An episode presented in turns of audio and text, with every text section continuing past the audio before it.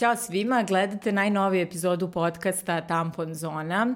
Ovaj podcast možete da slušate na Soundcloudu ili da gledate i slušate na YouTubeu. Sav sadržaj za njega pratite na Instagram profilu Mondo Ona i Instagram profilu ove emisije Tampon Zona. Uh, kada sam pre nekoliko meseci počinjala ovaj podcast, nekako sam rešila da ide u dve struje, znači da sa jedne strane obrađujemo teme koje žene stvarno zanimaju, a sa druge strane da ugostim neke žene, neke stručnjakinje u svojim oblastima koje su stvarno napravile neke velike korake napred u svojim profesijama i koje su uprkos nekako nekad vrlo onako zagljebljenoj sredini u kojoj žive uspele da istraju i da se bave onim što vole i prokrče put za neke druge žene koje dolaze. E sad, ako govorimo o elektronskoj muzici, tu se jasno ističe jedno ime i to je eto ime moje današnje sagovornice, Tijane Todorović, poznatija kao Tijana T. Tijana, dobrodošla. Bolje vas našla. E, izvini na ovako malo bombastičnoj najavi, ali zaslužila si, morala sam. Možeš to da ne.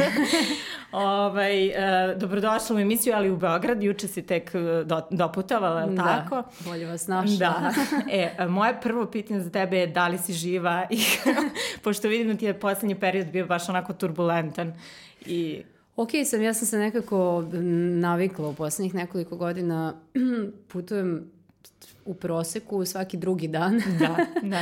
Tako da je okej, okay. do duše poslednjih mesec dana je zaista bilo onako kao neka centrifuga mm. gde sam uhvatila sebe da sad već svaki dan ulazim u avion i svaki dan sam u nekom drugom mestu i drugoj državi, na drugom kontinentu, uh, sa sve ovim velikim finalem u poslednjih uh, 4-5 dana gde sam za 4 dana radila 10 puta neke različite wow, stvari u dve različite države.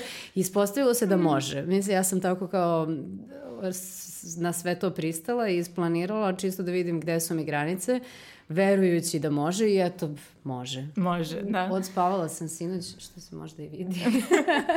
da, da, i sad idemo, idemo dalje. Sveže, da. Ove, jel ti se dešava nekad se probudiš i da si u fazonu, jao, gde sam sad beše, ono, da ne možeš da se setiš gde pa si da, tačno. Da. da, da, da, non stop.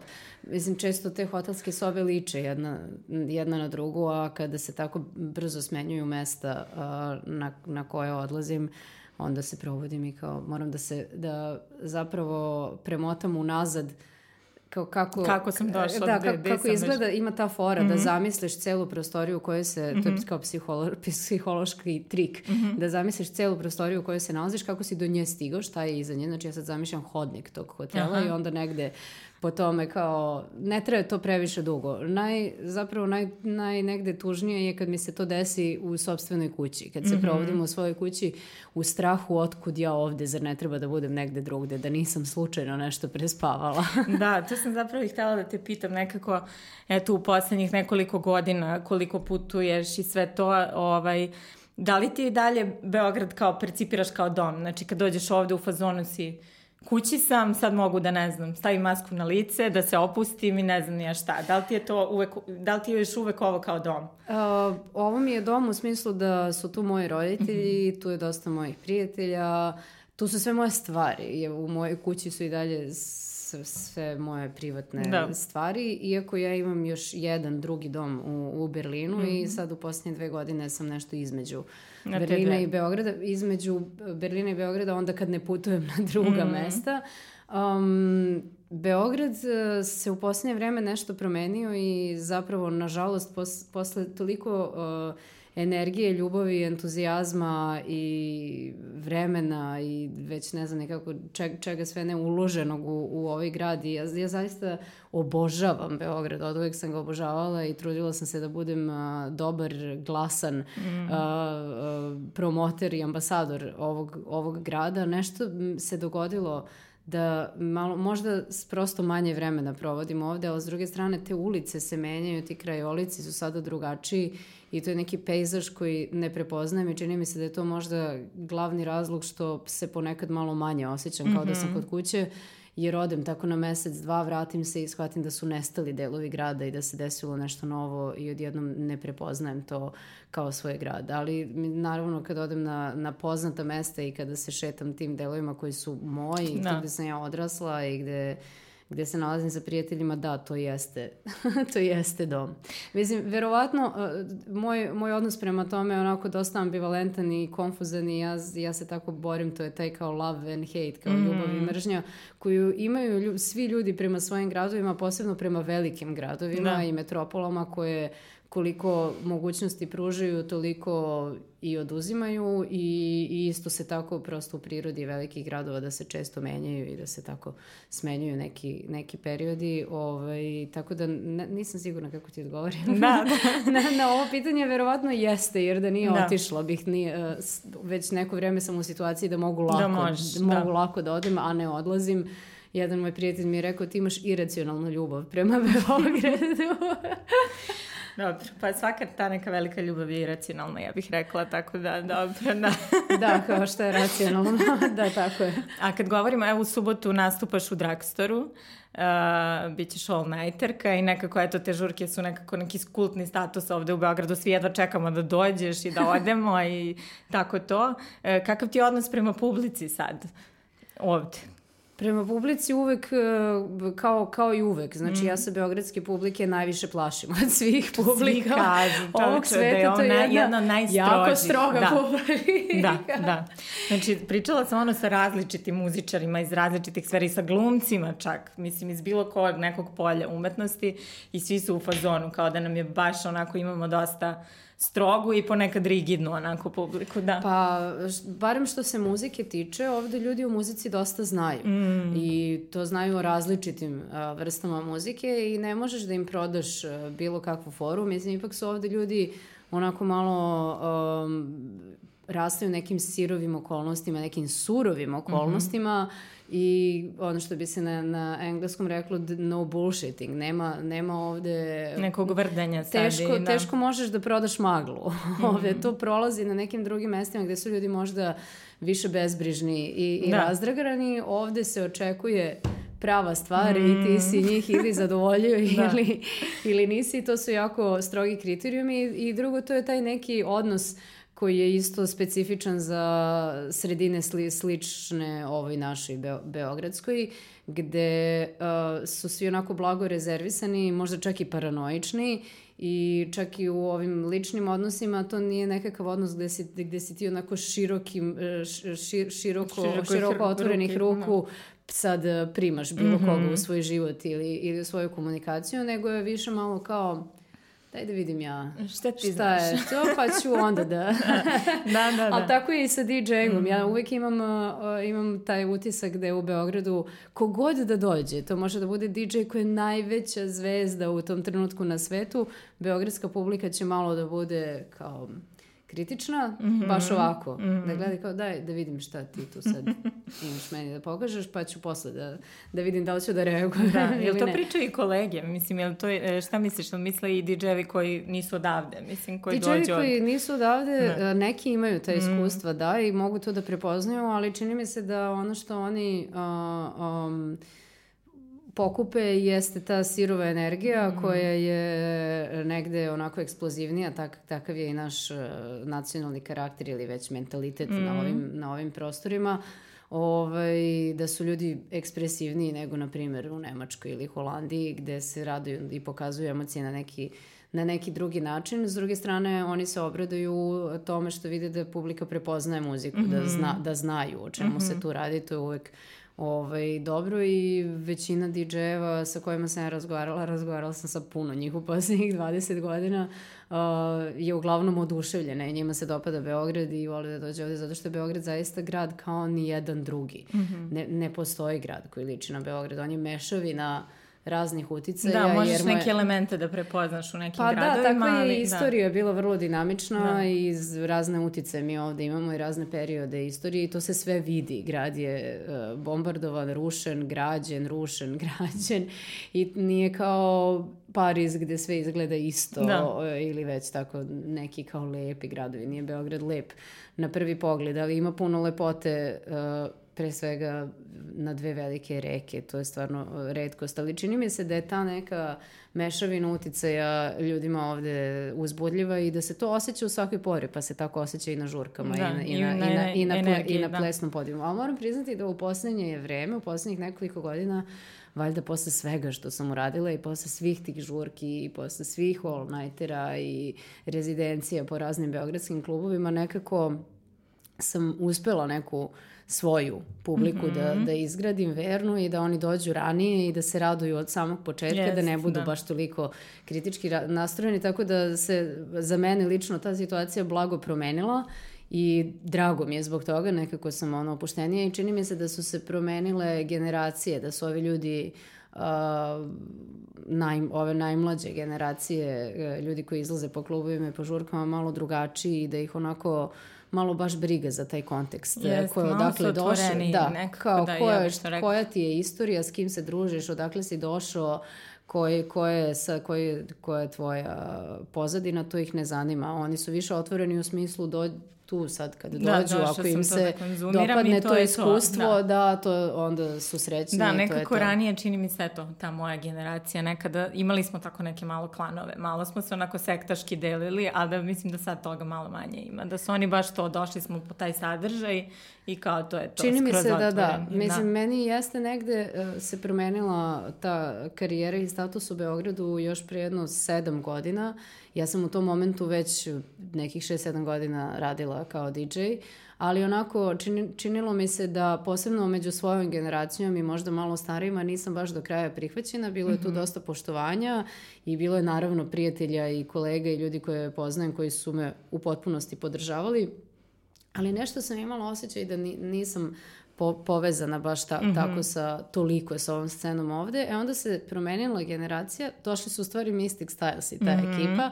Oni su počeli da prave ovaj, svoje žurke i njih je onako baš bolelo uvo. Da li sam ja radila na televiziji ili nisam, da li da li je neko tu izlazio u industriju ili da. Ba, baš ih je bilo briga za celu tu priču. Za taj neki, kao, nego da, se njima dopalo da. kako ja puštam ta neka energija i krenuli su da me zovu ja sam se tu onako osetila, aha, ok, ovo su neki novi ljudi koji čak puštaju muziku koja nema nikakve veze sa ovom muzikom koju, koju ja puštam i oni su mene prihvatili i zvali me da nešto sa njima radim, znači, ok, na tom nivou uh, van bilo kog društvenog konteksta, mm. ovo što ja radim je u redu.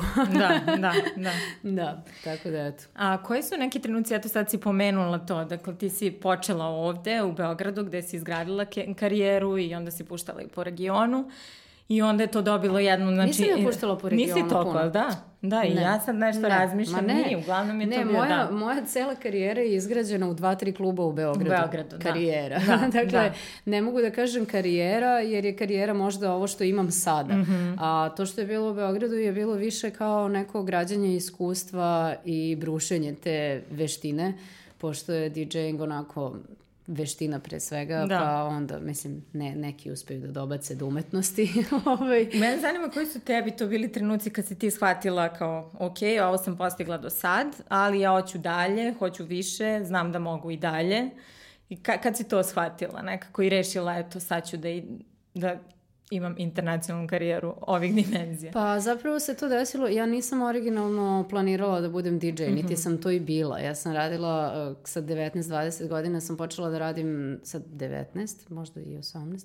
Ovo, sam počela da radim u medijima i radila sam na televizijama i pravila sam uh, muzičke TV emisije, mm -hmm. mno, razne muzičke TV emisije Počela sam na studiju B, pa je onda bio neki kratak period na B92, pa su onda to bile exitove emisije koje su mm. se emitovale na RTS-u, pa onda opet nešto B92 i tako sve, sve su bile uh, bili su različiti formati muzičkih emisija da. i ja sam tu intervjuisala i muzičare i DJ-eve, upoznavala ljude na sceni, puno ljudi sam i znala jer sam već kao klinka počela da izlazim mm. na, na žurke i na, i na koncerte I taj DJing i uopšte izvođačka karijera se meni desila potpuno slučajno, ne, neplanirano iz nekog zezanja i zapravo sam ja to dugo tako tretirala kao neki hobi, kao nešto što je tako sa strane. Ja sam sa mm. drugaricom jednom počela neki serijal žurki ovde u Beogradu I mi smo manje više zaključile kako nam je dosadna muzika u klubovima i kako ti strani DJ-evi koji dobijaju velike honorare koje mi kao nešto intervjuišemo mm -hmm. i predstavljamo po televiziji, kad dođemo onako nemaju bolju muziku od onoga što mi imamo u svojim kompjuterima da, da, i, na, da, da. i na diskovima. I onda smo iz zezanja kao htjela eto, tako da puštamo i da pravimo žurke za svoje drugare i to je trajalo možda dve, tri godine. Umeđu vremenu meni se u tom procesu dopalo to, to sve Ove, ovaj, I želela sam da napredujem i da u stvari naučim i kako se miksuje i počela sam da skupljam ploče. Imala sam i paralelnu karijeru pevačice. Gde da, sam, to znam. Gde sam po Evro... Ja sam živela paralelni život po, po, Nisam to po inače celom... skoro, skoro, skoro saznala. saznala. Nisam znala, ako vidi ovu tijenu tajni život. Ja sam to krila. da, to je bilo u nekom periodu između 2005. i 2008. 9. Mm. Uh, radila sam PR za uh, žurke Vlade Janjića i Gordana Paunovića, koje su se tokom istorije drugačije zvale, ali su to uvek bili njih dvojica bila neka žurka u SKC-u, između ostalog je nastupao Abe Duke, on je mm -hmm. legendarni neki producent uh, house i techno iz Njujorka i došao je i radio je live act, znači ono uživo sa da. mašinama, da. a ne DJ set i ja sam ga vodila tako da daje intervjue po televizijama i radiostanicama i on me pitao hoću da pevam s njim te večeri, da mu se pridružim i meni je onako bilo uzbudljiva ta ideja Međutim, plašila sam se naravno i u toku noći dok je on nastupio, ja sam nastupao, ja sam izašla, ostavio je bio jedan uh, dodatni mikrofon sa strane, rekao je ti ako hoćeš, evo izađi. I ja sam izašla i nešto sam tu improvizovala, Ni, nisam bila uh, potpuni neznalac što se tiče uh, pevanja, jer sam ceo život pevala u horovima mm -hmm. i išla sam na časove solo pevanja, tako da kao znam da, da, znam da, znam pevam, da pevam, da. Ne, ne lupetam baš do kraja, da. ali to je onako bila neka improvizacija koja se njemu dopala i njegovim agentima i menadžerima koji su to bili prisutni i onda su oni mene zvali da dođemo u Berlin da nešto snimamo. Kako sam stigla, tako smo otišli na sledeću žurku koja je bila neka pre jako bitna žurka na nemačkom tržištu rođendan Groove magazina koji je tada bio najbitniji, uh, najbitnija muzička publikacija u, u Nemačkoj i tu je isto line-up bio nenormalan uh, Ricardo Villalobos, Luciano, sve najveći mm. DJ-evi i kao ja. sa, sa njim opet ne znam šta da pevam jer nismo ništa vežbali. U svakom slučaju te, ta dva eksperimenta su super prošla i mi smo počeli da putujemo zajedno i u stvari to je meni dalo šansu da kupujem ploče jer Beograd mm, nikad nije imao, nije, da. nije imao prodavnice ploča. Mislim ima i sad ima dve neke Onako, gde su da, uglavnom, gde su uglavnom da. vrlo uh, koje dve, uh, jesu dve ali su vredne moram da. priznati da. vrlo vredne.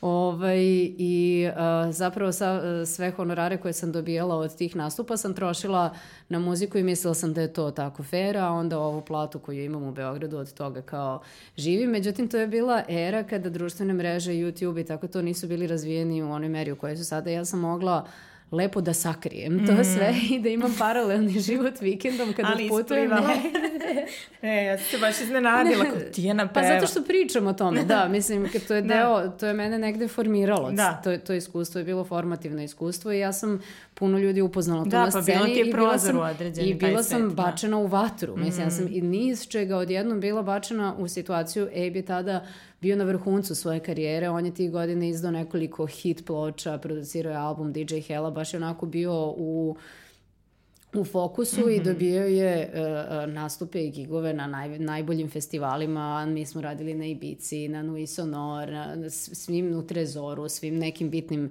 uh, mestima u tom trenutku i nekako sam se ja tu snalazila, ali meni je to i dalje bila stvar koja je kao hobi i zezanje sa strane. Bila sam fokusirana na to da radim u medijima i činilo mi se da to što radim u, u Srbiji prezentujući ljudima neke malo drugačije sadržaje na nacionalnim frekvencijama, mm da je plemenitije, da je nekako moralno bitnije. Da, da je neka važna misija. Da, nisam da. se ložila na to da se pojavljujem na televiziji, meni je bilo mnogo bitnije šta se tu čuje pušta, šta se da. čuje, kakva se muzika pušta, jer je već počela ova promena totalne komercijalizacije mm -hmm. medija i to ja sam shvatila da možda kroz Exit koji je imao tu, tu ovaj, taj medijski uticaj i dobre veze sa uh, nacionalnom televizijom, možda može nekako poslednji neki voz da se uhvati, da se ljudima nešto pušta, da. jer sam osjećala i neku vrstu dužnosti prema tome kako sam ja odrasla i kako sam uh, naučila o muzici. Ja sam, imala sam sreću da sam u porodici imala nekoga ko je bio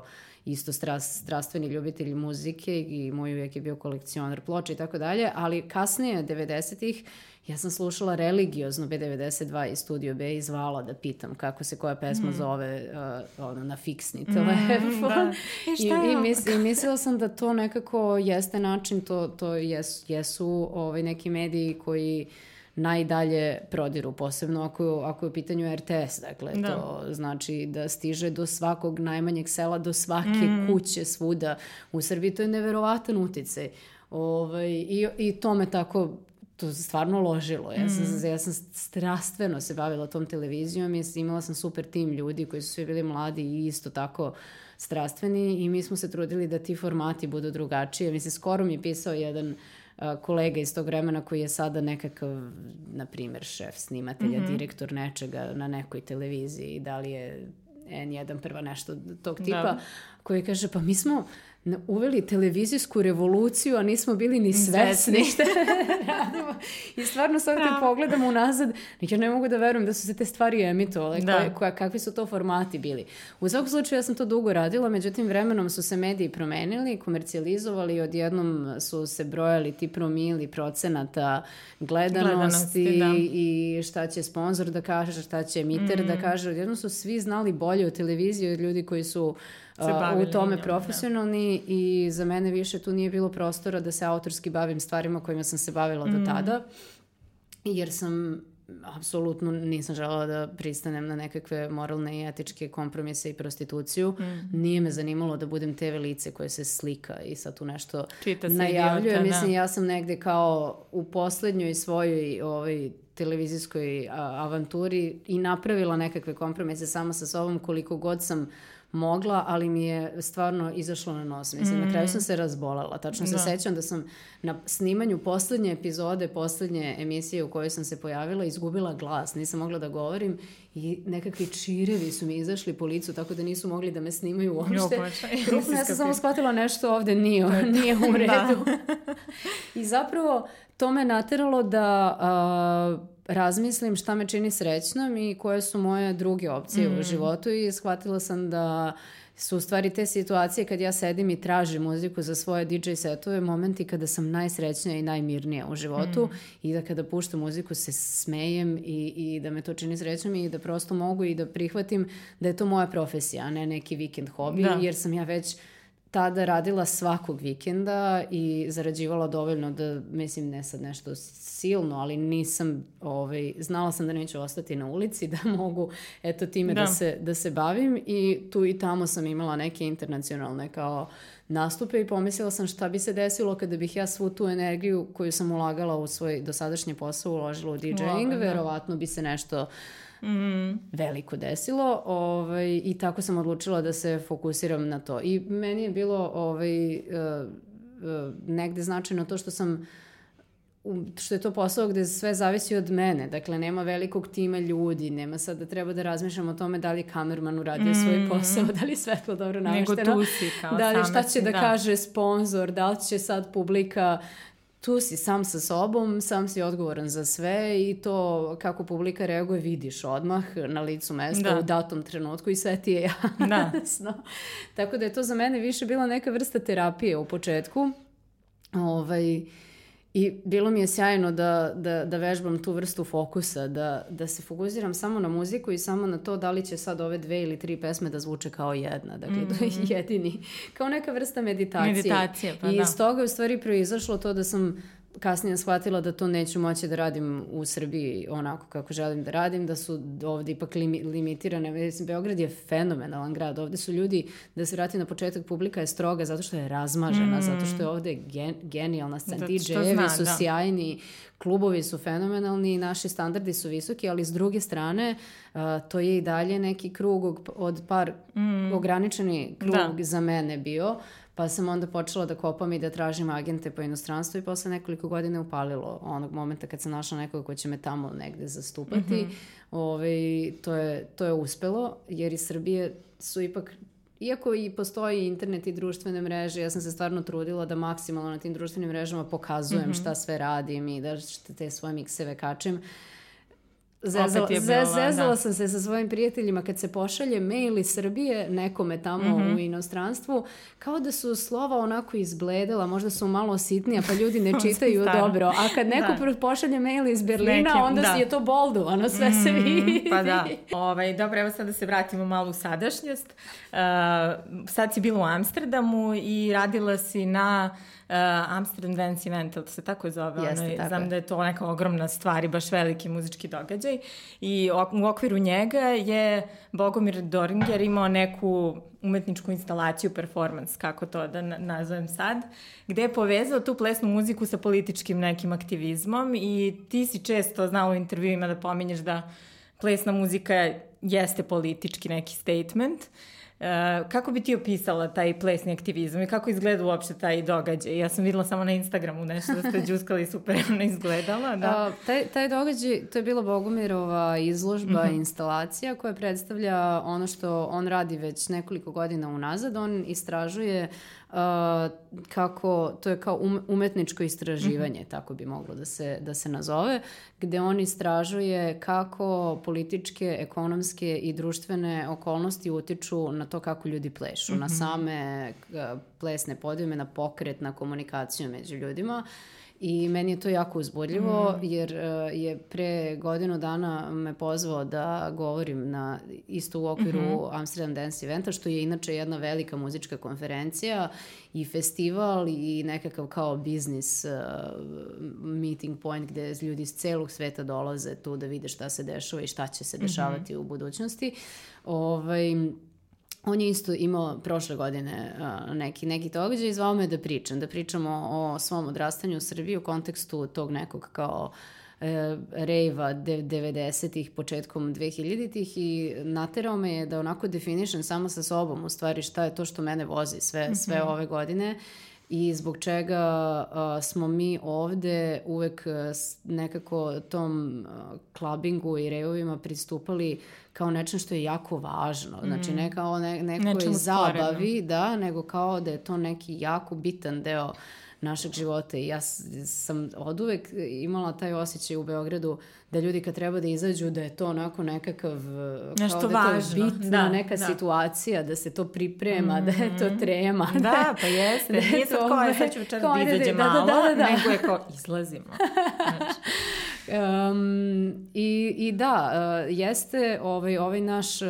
ova naša istorija klabinga uh, negde uh, dobar primer, jer ono što se desi, ono što, gde je ta kultura to jest moment uh, u istoriji kad je ta kultura uh, počela da se razvija kod nas uh, i, i razvijela se, bio moment kad se sve ostalo raspalo, kad su se raspale, kad se ova visoka kultura raspala, kad se država raspala, kad se sistem vrednosti raspao i za te ljude koji su u tom momentu imali 15, 16, 18, 25 godina, to jeste bila neka paralelna kultura koju su oni svojvoljno odlučili da pripadaju pre nego ovoj a, svakodnev, svakodnevnoj i um, da, mislim, to, to, je, to je nekako kao bila neka religija u koju se veruje više nego u bilo šta drugo. I taj kontekst 90-ih je bio stvarno zanimljiv, da imate zemlju koja se raspada, da je inflacija takva da ljudi dobijaju on, platu od tri marke i da u sred svega toga vi imate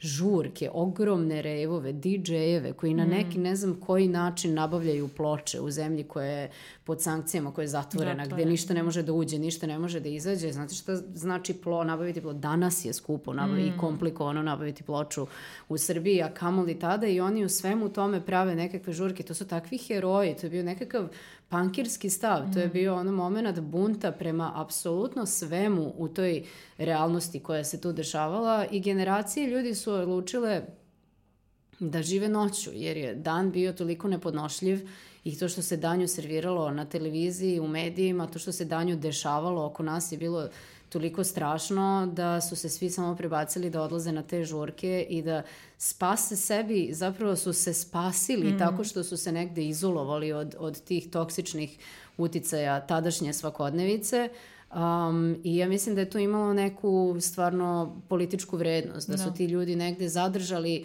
mislim, ipak je to rejovanje i taj kolektivni ples je nešto što datira baš mnogo daleko mm. u prošlost. Od, od praistorijskih vremena su ljudi u plemenima plesali i to jeste negde nešto što se provlači, mislim, tome služi veliki festivali, tome služe veliki rock koncerti. Jedino što kada govorimo o elektronskoj muzici, uh, ona negde um, ostvara, ot, ot, ostavlja prostor za uh, neku um, individualnost u smislu da je abstraktna do te mere da svako može da je, da je tumači onako kako, kako način, hoće kako da i da, da takođe ostavlja dovoljno prostora da ne mora religiozno da se gleda u pevača mm -hmm. ili bend koji mm -hmm. nam nekakve reči sugeriše, već ljudi mogu među sobom da, da komuniciraju i to je ono što Bogomir u stvari mhm. istražuje. Mm -hmm. On je shvatio da, da, da zapravo ples u tim nekim kritičnim, uh, kriznim trenucima, što individualni, što kolektivni, postaje drugačiji i da, i da su ta kretanja uh, i grupisanja na, na plesnom podijumu drugačija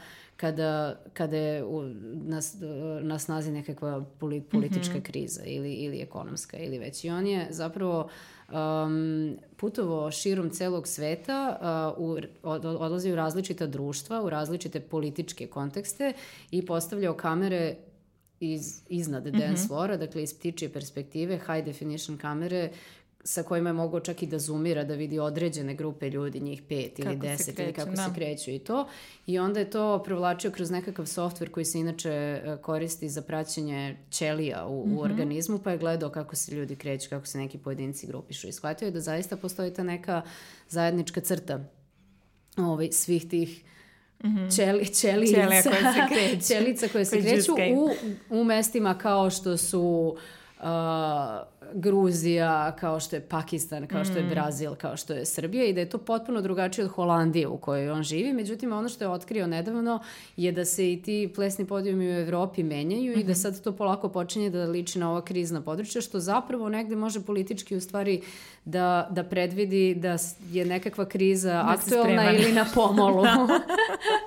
da, tako Super. da je to, ovaj, meni je to što on radi jako bitno jer sam negde uspela sama sebi da objasnim šta se dešavalo tokom uh, svih ovih godina uh, i, i shvatila da stvarno može taj clubbing, mislim kao i svaki, svaki drugi element društva ono što se politički dešava u nekoj državi može da se u pekari da, vidi, da. da se preslika u autobusu, na ulici, ovo je samo jedna ekstremna mm. situacija gde je u pitanju noć, gde su ljudi i pod dejstvom on, alkohola i nekih psihoaktivnih substanci, gde su onako emocije izmešane i gde je taj kolektivni duh možda očigledni. Mm -hmm. Tako da je to ovaj dosta zanimljivo. Da. Ove, ovaj, da li u tom smislu, eto kad pričamo o toj političkoj snazi, političkoj crti, uh, plesna, plesne muzike zapravo. Uh, šta misliš da li clubbing može da bude prostor za osnaživanje žena? Eto, na primjer, i na koji način? Pa, uh, meni se čini da je taj, taj prostor e, kluba, rejva, žurke, um, neki malo tolerantniji prostor mm. u mhm. odnosu na, na nekakve druge, dru, druge prostore, prostore da. izražavanja i da tu negde postoji ne, neka vrsta uh, onako nepisanih pravila tolerancije, mm. tolerancije razumevanja, Uh, meni se stvarno često dešava da kad prolazim kroz te gužve po klubovima imam osjećaj da ljudi mnogo bolje umeju da uh, poštuju i taj uh, kao lični prostor i to da se sklone da prođeš, da. pa da te ne udare, pa da imaju nekakvog obzira prema drugima nego na ulici. Mm. Naprimjer, kad je gužva na ulici, ne, ne znam da prođem. Da, da, u da, klubu, ili u prevozu, u, u ili ne znam ljudi gde. imaju da. ta neka pravila mm. po, ponašanja. Da. ovaj, tako da u tom smislu mi se čini da da, da i to jeste mislim na tom, na tom podijumu su svi, valjda je poenta da svi budu isti da. i da, i da svi imaju ovaj, ista prava i, i iste slobode i da mogu da se izraž, da, izra, izražavaju kako, kako god hoće. Tako da je to negde, možda moja ideja malo ideali, mm -hmm. možda moje... Pa jeste. Nije, ja kao... nije svuda, tako moram priznati. Da. Ovaj, u posljednje vreme se dosta govori posebno internacionalno o, o safe spaces, odnosno mm -hmm. bezbednim prostorima gde se žene, uh, LGBT, ljudi koji pripadaju LGBT zajednici i tako dalje osjećaju osjećaju sigurno. Ovaj, I meni je to onako bilo malo čudno jer kontekst u kome smo mi uh, rasli, mislim kak, kako god da je stvarnost ova svakodnevna i kako god da je politička konotacija i društvena, u klubovima se nisam osjećala nebezbedno. Mm. Zaista nisam.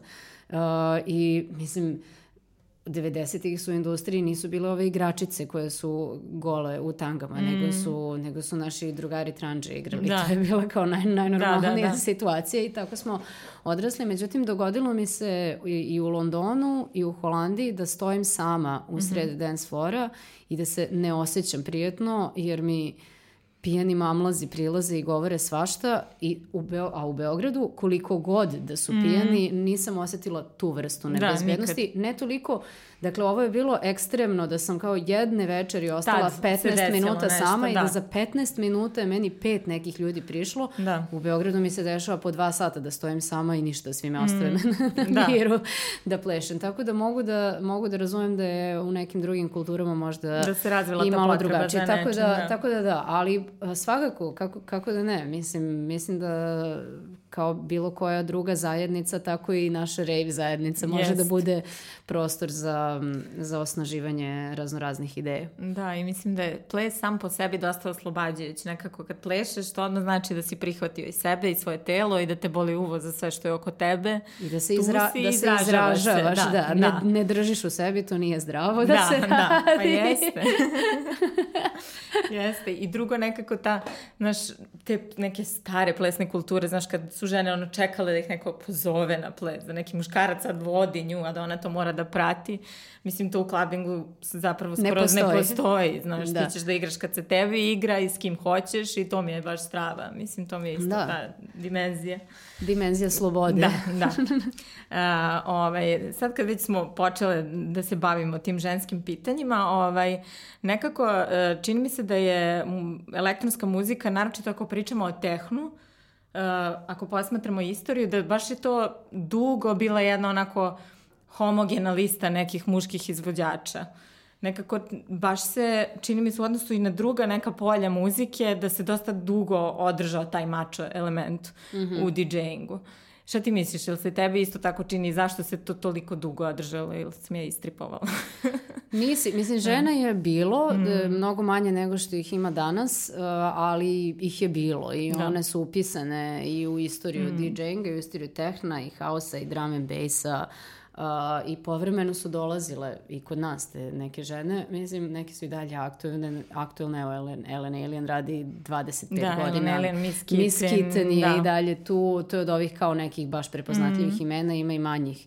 Uh, manje poznatih imena, žena koje su i dalje aktiv, aktivne posle 30 godina. Da. Ovaj, pa ne znam kako, to, je, to jeste bio neki boys club, to onako um, je često bilo onako nadmetanje u nekim veštinama od neko kao takmičenje. Mm -hmm. Mislim, DJing, sama priroda tog posla ima dosta elemenata um, profesionalnog sporta. Tako da ovaj, kao to sad ko zna bolje, ovaj, mm -hmm, ko, ima, ko, ko, ima više, ko da. ima više ploča, ko zna više fora, ko mm -hmm. može na više gramofona. A to su sve neki muški principi. Mm -hmm. principi jeste, koji oni. Koje, Kome da. su jače felne na kolima. Da, mislim, to je da, pa jeste. Kao, koji ima veći biceps, mislim. Ili, I tako da. dalje. Okej. ovaj, Slučajno. Tako da, tako da Um, drago mi je da se, da se to negde promenilo mm. i da je samo shvatanje muz, muzike i onoga što se pušta u klubu sad nekako malo Važno, šire da, nego da. što je bilo i da smo prihvatili da ne moramo da se takmičimo, nego da postoje različitosti i različite vrste uh, izražavanja isto muzičkog kroz DJing. Ima tu i, i nekih stvari koje su onako banalno fizičke. Mislim, mm -hmm. ploče, ploče su užasno teška Teške, stvar. Da. Dakle, to raditi noću, ostajati budan, po celu noć putovati, mm. ne spavati, to je sve užasno fizički zahtevno i lakše muškarcima da podnesu nego, nego ženama. Umeđu vremenu su se vre, sve se promenilo, vremena su se promenila, sada ne moraju da se vukljaju ploče, može da se pušta sa USB-a. Mm cela ta scena je toliko porasla da je postala industrija i da su stvari negde organizovanije. To sad nije onako rock and roll, onako da. sve kao nešto uh, spon, spon, spontano da. i sirovo, nego se zna tačno, postoje nekakvi standardi prosto gde ovaj, se zna da neka minimalna udobnost DJ-u treba da se, da, ovo, da se obezbedi. Da Promenili su se sound sistemi, tehnika se promenila, to sad sve zvuči lepše, bolje, prijatnije, nećete ogluveti u klubu, mm. naj, najverovatnije. Da. Ranije je to sve bilo nekako dosta onako teško, a i bilo je par nekih žena koje su zaista uradile neke značajne stvari i otvorile put drugim ženama i bile inspiracija mm -hmm. drugim ženama. Uh, Čini mi se da su ranije e, devojke i žene u tom poslu e, pokušavale da, da funkcionišu po tom nekom muškom principu mm -hmm. i trudile se da onako i svoju ženstvenost negde prikriju, da, da, da ne, ne izražavaju.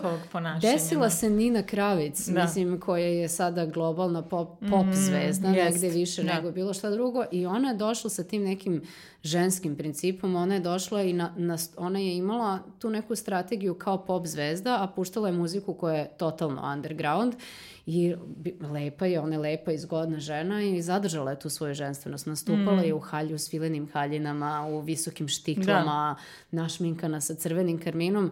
To je bilo skandalozno kad se ona pojavila. Mislim da se onako ta scena dosta negde uzdrmala, da. uzdrmala da. i nju stvarno nisu prihvatili i ona je prolazila kroz neviđene uh, diskriminatorne mm. situacije i situacije maltretiranja što po internetima, što uživo diskreditovanja i tako dalje bukvalno samo zato što je lepa. Da, da, zato što izgleda kako zato što, izgleda inače. Zato što lepo da. izgleda. Međutim, mm. na kraju svega toga, ona je negde izašla kao pobednica, istrajala je u tome.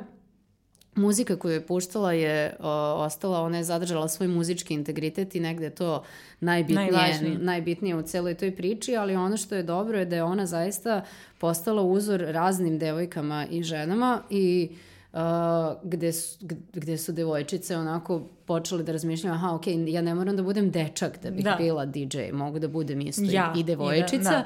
i isto tako da mm. budem DJ i čini mi se da je ona zaista bila inspiracija onako mnogim mm. ženama i ovima koje su čak i već uh, bile aktivne na sceni i možda negde etablirane, malo mi se čini da je ovaj, to promenilo percepciju, promenilo, da. a i to što je to izazvalo tako burne reakcije na sceni je u stvari samo doprinulo tome da se o tome više priča i da se obrati pažnje na te stvari, otvorilo je razne neke diskusije. Tako da mi se čini da se sad taj sistem vred, vrednostima Menja. promenio. Da. da, ali eto i kod nje i inače ono što mene najviše nervira je što, što primećujem to, naročito ako dakle ta neka žena koja izgleda kako na, izgleda i kako želi da izgleda, uh, I sad mi se čini da se pred nju postavljaju neki, ne znam, dupli izazovi i da ona mora, ne znam, des puta više da se dokazuje da bi kao bilo, da bi neko priznao, znaš, da mora, ne znam, des puta više da radi nego neki muškar da bi opravdala to, je to često, što je. To je, to je tako ne, da. ne samo u ovom poslu, mm -hmm. to je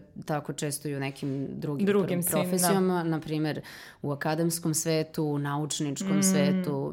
Imam prijateljicu koja je u top uh, 0,5% svetskih naučnika koja mi govori da, da se njoj identične stvari dešavaju Dakle, to su neki ljudi koji su izuzetno obrazovani, mm. koji, su, koji bi trebalo da znaju bolje da se isto, da i tamo važi pravilo, ako si žena, ovaj, ti nisi kompetentna dok se ne dokaže suprotno, da. a ako si muškarac ti jesi kompetentan Sam dok, se, dok se ne dokaže suprotno. da, e, I da. to negde važi ovaj, ili je važilo uh, i u DJingu i uvek su, uvek su kriterijumi za žene bile, bili malo onako stroži, ali zaista ja vidim ove sve žene koje sada rade, koje su uspešne, one su toliko toga morale da prođu i toliko toga da nauče da su na kraju stvarno deset puta bolje, bolje. od muškaraca. da, da pa je. I zanimljivije, ali to su, to jesu onako to je ta tanka neka, kao neki onako, neko tanko sečivo po kome moraš da, da, da hodaš, da ih ne, da nešto tu masu mm. ne uznemiriš eh, previše, da, da se ne osjećaju ugroženo, uplašeno, pa onda sad, mislim, ne daj Bože da si e, kao i Nina, ona je dosta i provokativno izgledala u nekim trenucima, što je apsolutno njeno pravo, pravo da. da izgleda kako, kako god želi, hoće da. i da se skida gola koliko da. god hoće, ali meni se čini da tu prorade neki impulsi koji mm -hmm. su onako potpuno nekontrolisani, da. nekakve frustracije, yes. gde sad kao muškarci žele da je posjeduju, a ne mogu, mm -hmm. da je to mhm. onako na duboko nekom psihološkom nivou i da to uh, funkcion, da je to zaista toliko duboko utemeljeno uopšte u, cel, u, celoj, on, u celoj civilizaciji, mm. da je jako teško da se te stvari sad e, suštin, Iskorene, suštinski jest. promene. Da, da, da, da, mora da se radi na tome sistemski skroz. O, pa evo i tvoj tweet ovaj skoro koji je izazvao, ono, zapalio internet, e, što je meni stvarno strašno, ono, kad sam čitala dole one neke reakcije. Uh, isto su se tu javili neki muškarci koji su bili u fazonu kako je ona došla do tog položaja, šta mislite, bla bla bla i ne znam nija šta. Ja, tu se svašta... Su tebe iznenadile te reakcije? Ja sam bila... Mislim, Twitter je postao toksičan, to je ono činjenica i dosta se tamo, sad samo ako hejtuješ nešto ti ćeš da napišeš, ako misliš nešto dobro nećeš.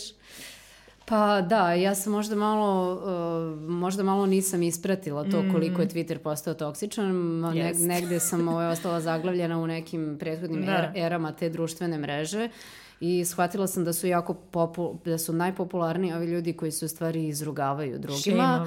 da, da i tu su čak i neki ljudi za koje sam shvatila da mi imamo puno zajedničkih prijatelja, da izlazimo na ista mesta koji se predstavljaju kao uh, osvešćeni, kao obra, mm. obrazovani i to me onako poprilično iznenadilo jer sam odlazila naravno na sve te profile. Mislim, to da. je otišlo jako, jako daleko jer nije ostalo samo na Twitteru, proširilo se i na Instagram Aha. i na, i na Facebook. To su bile bukvalno hiljade i hiljade ljudi.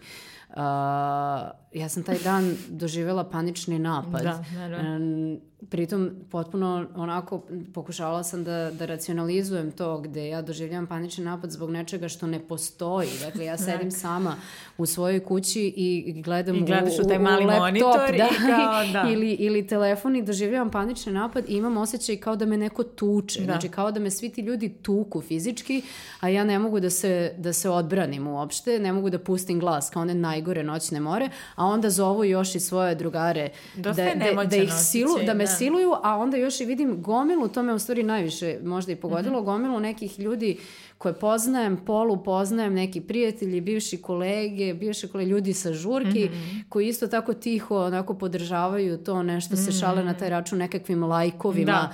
učestvuju svemu tome i baš sam onako bila u šoku, imala sam osjećaj kao da se dešava ona kognitivna disonanca mm. gde, ja, gde sam ja u, jednu, da. u jednoj realnosti, a ovo je neka druga realnost i ne možemo da se, da se sklopimo. Bukvalno sam pomislila ja možda nemam više nikakve veze sa, možda ne znam šta je realnost, možda ne, da. znam, možda ne znam kako svet funkcioniše ovih dana, jer sam se toliko šokirala, ali šta se desilo, evo za ljude mm. koji, koji mm. ne mhm. znaju šta se da. desilo, meni se dogodilo da sam u dve nedelje upoznala Bajagu i, i, i Novaka Đokovića. I sad sa Bajagom je bila neka situacija, ja sam obožavala Bajagu kad sam bila da. devojčica i dalje mislim da su neke njegove pesme genijalne i od svih domaćih rokera i, i muzičara on je jedini koga nisam intervjuisala, koga nikad na ulici nisam videla I onda smo se mi upoznali jer sam se ja slučajno zatekla na mestu gde je ne, neko njega nešto mhm. fotografisao mm -hmm. i onda su fotografi i ostali tu mene predstavili u nekom velikom svetlu, da. objasnili kao ko sam, šta radim i tako dalje i Baja ga tu sve kao shvatio i onda dok su nas fotografisali, jer sam ja naravno tražila odmah da se slikam sa... Naravno, može i ja bih. sa, sa Bajagom. Ovaj fotograf je želao da se mi tu nešto glupiramo. Aha. Bajaga je rekao, kako crno glupiranje, treba da se slikamo kao dva autoriteta, a ne I meni je to bilo, wow, Baja ga rekao da kaže. sam autoritet.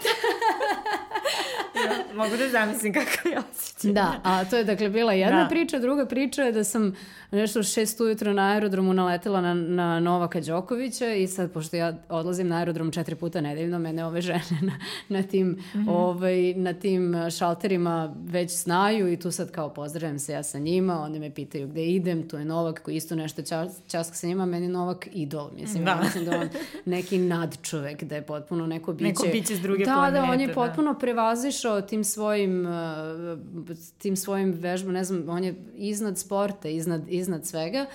Ovaj, a m, pri, moj prijatelj Galeb ga je nedavno ovaj, mm. intervjuisao i taj intervju mi je bio dosta onako inspirativan i, i puno toga sam prepoznala negde, sam se identifikovala sa nekim njegovim tim kao vežbama i, i dis, tim uh, prosto navikama mm -hmm. koje ima svakodnevnim. U svakom slučaju, dakle, tu kreće neko zezanje ovaj, međusobno i, i ja kao, e, Novaček, htela sam da, da se upoznamo i kažemo kao ono što si ti u Srbiji za tenis, kao da. ja sam, ja sam u DJ-nku i kao ha ha ha, to jeste bila neka interna fora jer je dosta mojih prijatelja to pisalo. Da, meni tu ništa je nije pisalo- bilo sad kao, ne znam stvarno šta su ljudi sad. To je malo bila interna fora jer je Da. grupa mojih prijatelja to često na Twitteru, Da. upravo na Twitteru i pisala. Da. Godinama unazad. I on je onako to sve ozbiljno shvatio. Nije on mislio da ja nešto tu se glupiram Mm. i šalim i onako sa potpunim poštovanjem nastavio. Tu smo mi nešto popričali i on me oslovljavao imenom što je meni bilo fenomenalno jer ja ne, ne pamtim imena ljudi kad ih Da. upoznajem. I, ovaj, I to je to. Ja sam o tome tweetovala. Mislim, tu, tu je bilo onako i malo, o, to je bio niz, to je bio tweet, Twitter thread, Thread, bilo je da. go- gomila nekih tweetova gde sam se ja izezala na taj račun i rekla kako sam neskromno onako prišla. Mislim, to je Mislim, to se videla da ne, je tako, ali mislim, sama ne po sebi da. ideja da kažeš ja sam u DJ-ingu, ono što si ti u tenisu je sad kao ja sam u, ne znam, zameni gum, gum, guma, eh, Michael, je ono što je Da. Michael Jordan u košarci. Mislim, Da, je da, da, potpuno mislim, onako sama je stvar je skroz. kao malo, malo nebulozna i tu sam se kao zezala sa tim, sa tim stvarima. Ja se jesam naravno pohvalila jer kao što se ne bih, Što ne, što se mislim, ne bih da. pohvalila, nalazim se u nekoj situaciji u životu koju sam sama zaradila, nije, nisam nikome otela, ništa Da. nikoga, od nikoga nisam ukrala, nego se nalazim u situaciji gde kao čovjek, kao Novak Đoković ili, ili Bajaga me tretiraju kao, Da, kao, ne- kao da. nekoga sa nekakvim poštovanjem. Ovaj, I to je izazvalo... Prvo su se ljudi smejali, prve reakcije su bili kao ha ha ha, kao shvatili su Da. ono foru i shvatili su kako se ja i na svoj račun tu u tim tweetovima zezam. Međutim, neko je uzeo screenshot, izvadio jedan tweet iz konteksta, stavio je i krenulo je to ovaj, šejmovanje. I to jeste bio neko od koga sam se ja iznenadila onako da, da, se, da se bavi time i onda su krenule horde, dakle horde poludelih ljudi. To je toliko bilo, meni je bilo neverovatno šta ih je tu isprovociralo. Baš sam razmišljala o čemu se tu radi, kako, Da. koji je to psihološki me- Meni to mehanizam. nije, da. Da, da je to došlo do toga da su meni stizale pretnje u inbox, trebate ubiti, trebate ovo, pa ja biti, pa sad već sve seksualne, najgore, Mm. Da. ono, silovateljske Da, a, poruke. poruke. Pa onda videla sam da su tu silni ljudi nešto odlazili na moje profile, na Instagram profil, pa odlazili ono, unazad da gledaju moje postove, pa onda ne znam sad, tu je snimak Tu nek, nekakve žurke da. u Dragsturu, pa komen, znači čovek ostavlja komentar a, ovde bombu treba baciti, sve streljati, sad odjednom nekakve pretnje tog Neki tipa. skroz, da. Pa onda neki ludaci koji su otvorili Twitter profil tog dana, dakle ja sam, Samo ono, da pošto sam da. Mm. reportovala sve to, blokirala i ostalo, znači otvara Twitter profil tog dana da bi mi ostavio javni komentar ko si ti, šta zamišljaš, da si, za tebe znaju samo ovi kojima si puftala da bi dobila O te Bože, gigove. Baš je bilo onako Da. dosta strašno. Onda su krenuli da se zezaju i ovi neki ljudi koji ja znam, pa sam im skrenula pažnju da u stvari možda ipak nije smešno i da tome što, da je meni bilo smešno i da mi možemo među sobom da se zezamo, sve super, ali da u stvari kad oni to postaju, to sad samo doprinosi celom tom potpaljuje stalasu, vatru, da. tom uh, tsunamiju, to, tog, tog ludila. Tako da ne znam, mislim, na kraju je jedan prijatelj koji je, ovaj, prijatelj, poznanik, koji je psiholog, to karakterisao kao zapravo da ljudi ovdje imaju kompleks više vrednosti. Zna se da je kompleks više vrednosti u stvari e, prikriveni kompleks niže, Niže, vrednosti da.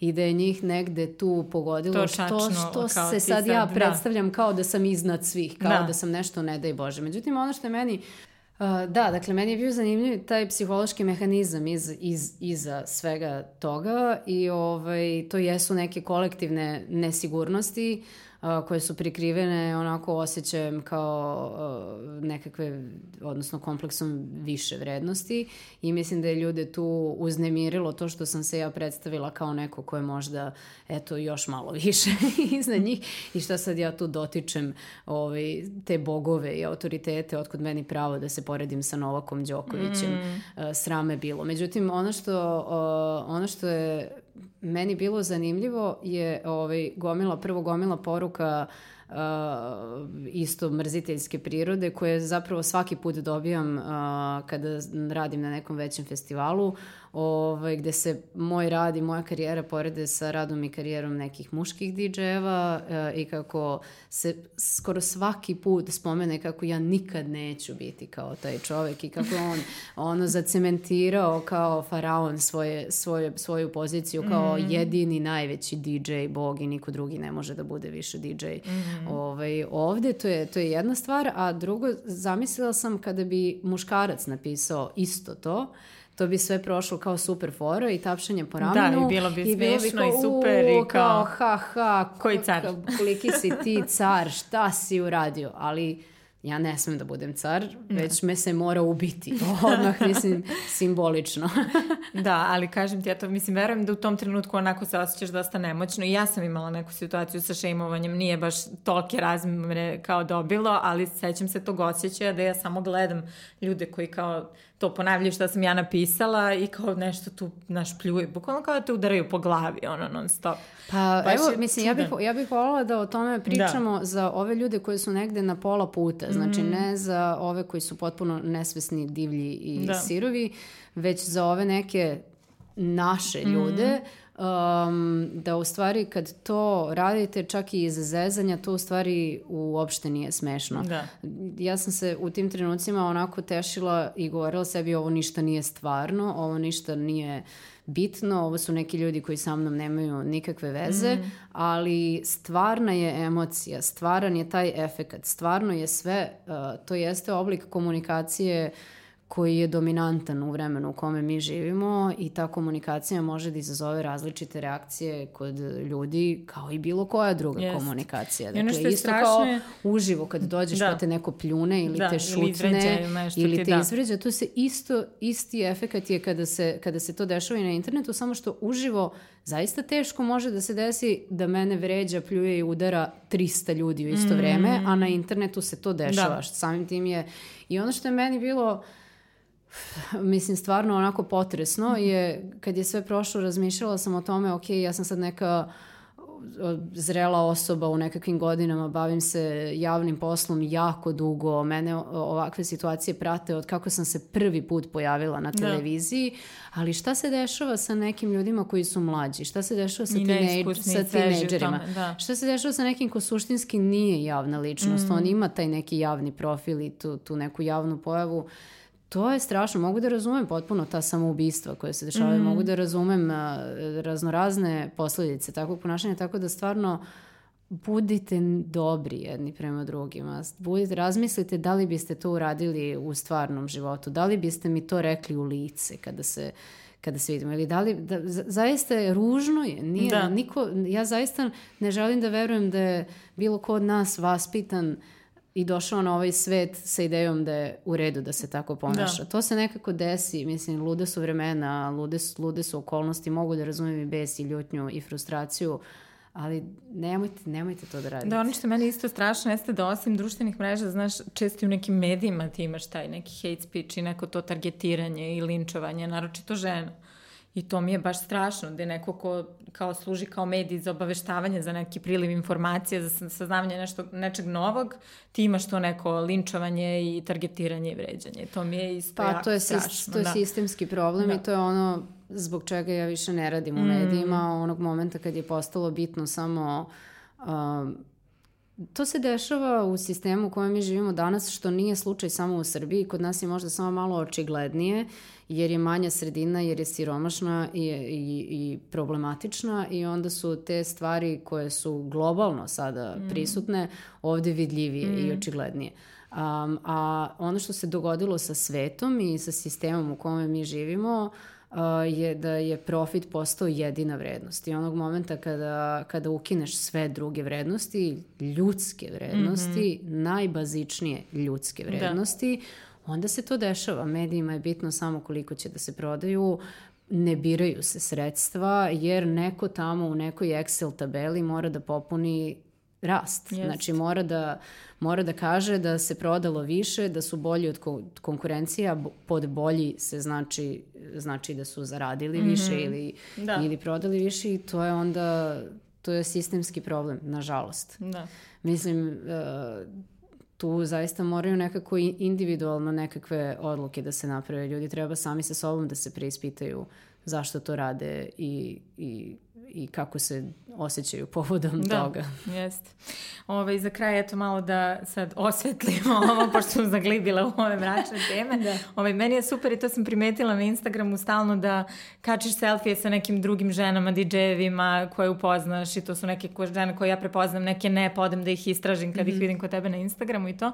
E, koliko tebi znači to umrežavanje žena u svetu DJ-inga? Sad imamo i neke ženske kolektive koje nastaju i eto, ti si ovde sad verujem da dosta devojčica to sad mnogo više nego pre želi da se bavi time čime se ti baviš. Uh, koliko je tebi to umrežavanje važno? Pa, jako mi je važno zato što ja imam te traume iz, od mm. muškaraca sa početaka. Ovaj, Uh, mislim, odmah da, da, se, da se ogradim i da kažem, nije ovaj, meni bilo, bilo je jezivih trenutaka, bilo je jako teških i, i neshvatljivih iskustava za koje znam da se mojim muškim kolegama nikad nisu dešavale, ali isto tako je bilo i divnih ljudi, muškaraca da. i DJ-eva i promotera i vlasnika klubova koji su me od samog mm. početka podržavali, branili da. i uprkos čak svađama sa svojim bliskim saradnicima, prijateljima i drugim DJ-evima istrajavali u tome da me, da me podržavaju hvala Pepe, Šiljo, Vlada i, Vlada i Gordane. Ovaj, um, ali uh, da, mislim i prosto je drugačije, mislim, ja, ja se sećam meni nikad nije palo na pamet da budem DJ upravo zbog toga što sam redko kad, kad odem na žurku videla da žena mm. ra, potpuno je drugačije kad vidiš nekoga koji izgleda kao ti da, da radi da to i kao aha, ovo je kao da. moguće, ali uh, da, pa mislim mi imamo uh, iste izazove kao, kao žene i mislim ti sad ne možeš da objasniš muškarcu šta znači kad si na putu a, u PMS-u si ili imaš menstruaciju, da. sa ženama možeš o tome da pričaš. Da pričaš, da. Da, ili kada ti ono op opada kosa od aviona, mm. ili kad, ne znam, mislim, kad se naduješ jer ne spavaš. To se muškarcima ništa ne dešava. Ne dešava. Da. To su neke onako stvarno kao bazične biološke stvari. Mm. Ovaj, I s druge strane, mislim, lepo je, ono, lepo je da imaš drugaricu Da. Ne samo druga. Ja sam, se uvek muškar... ja sam se s muškarcima uvek više družila, ali sam e, želela da imam drugarice. Da. I sad imam te neke drugarice sa kojima, ovaj, ne znam, e, ono, divan je osjećaj stvarno da, da ovaj, I zapravo mislim da je najbitnije to da se žene među sobom podržavaju, da ne moraju da zavise od, od toga da ih muškarci odobre i mm. podrže, podrže i mislim da je u stvari od svega najbitnije da se daje taj primer nekim budućim generacijama.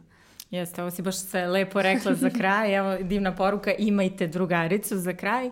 Ove, ovaj, hvala svima koji ste pratili Tampon Zonu, ovo je poslednja epizoda u ovoj sezoni. Hvala svima koji ste slušali, gledali, pisali mi, pa se vidimo za nekoliko meseci, nadam se. Tijana, hvala ti na gostovanju puno i s tobom se vidimo u Dragstoru u subotu. Da, ćao, hvala. Ćao.